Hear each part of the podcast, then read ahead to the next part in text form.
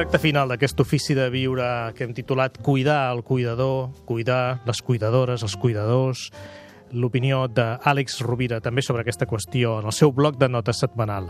Àlex, què tal? Ben retrobat. Molt bé, Gaspar, i molt content d'estar aquí novament. Alguna reflexió que creguis que pot complementar el que hem dit?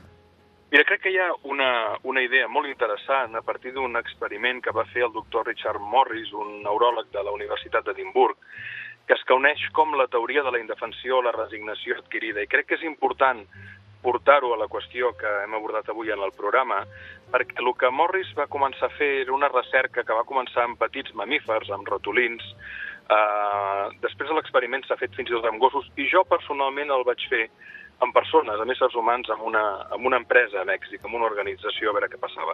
T'explico ràpidament en què consisteix l'experiment.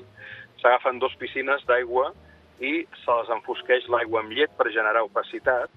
En una de les piscines es posen plataformes perquè els subjectes de l'experiment, si es belluguen, puguin posar-se sobre i respirar per sobre l'aigua, i a l'altra no. Per què explico aquesta teoria? Perquè el que el doctor Morris volia avaluar era com reaccionem les persones, i en aquest cas els animals, quan ens trobem en entorns d'esgotament físic sense suport. Què va observar? Que els animals que en la primera experiència podien encaramar-se a les plataformes i respirar, quan repetien l'experiment, eh, nadaven tranquils, nadaven amb confiança perquè sabien que hi havia quelcom que estava sota l'aigua, que no es podia veure, però que podien comptar en que quelcom els sostindria en aquell entorn advers i incert. Mentre que els animals i les persones que fan l'experiment en una piscina on no poden tenir suport, neden s'esgoten física, mental, emocionalment i es deixen, i es deixen enfonsar.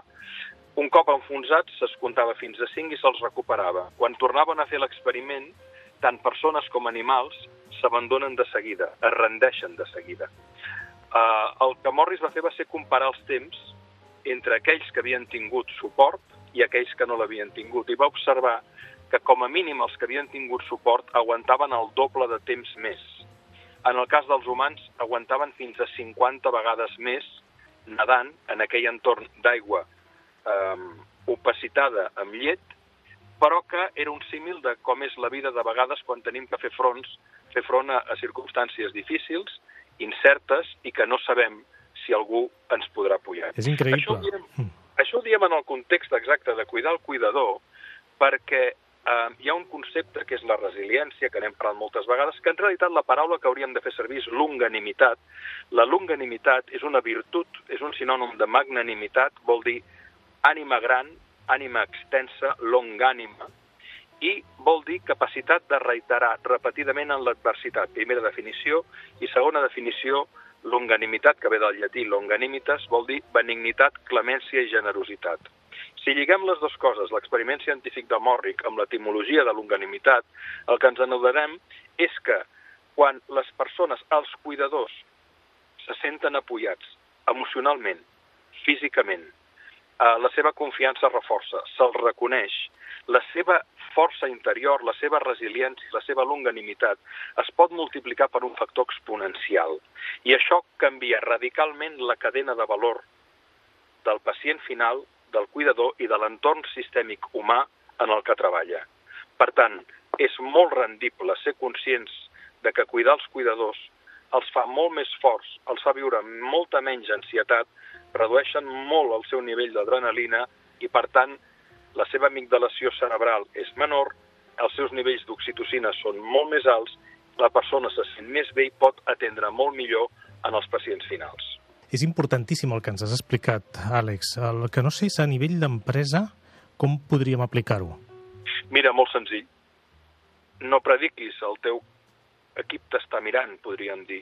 Els caps, que són persones que generen confiança, que són confiables, que actuen com aquests suports sota l'aigua, com un suport que, amb el que pots comptar, com una passera, com, una, com aquella pedra que, que ens permet passar el riu o, o, o endinsar-nos en el mar sabent que podem trepitjar sobre ferm, generen entorns de molt més compromís. És impossible el compromís sense confiança.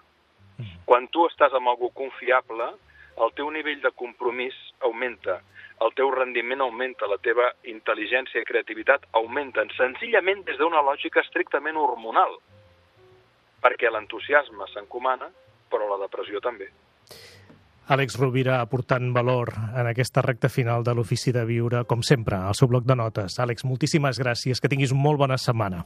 Una gran abraçada a tots. Els oients també, moltes gràcies, una forta abraçada.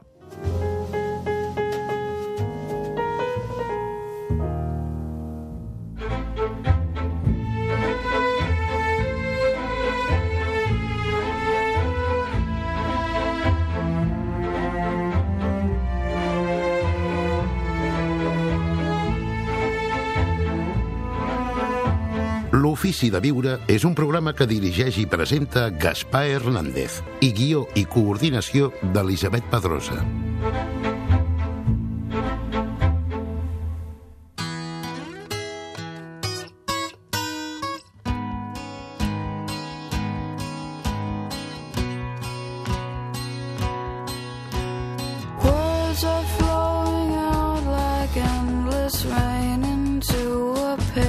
Cup.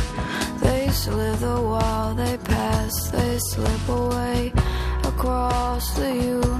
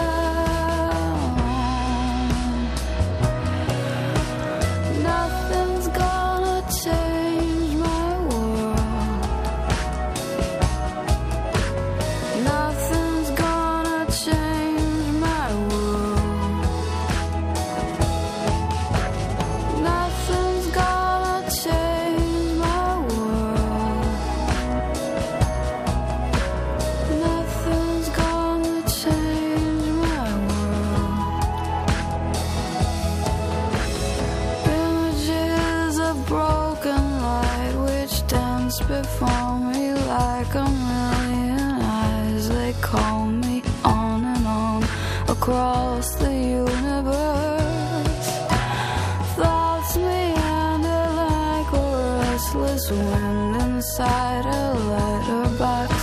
They tumble blindly as they make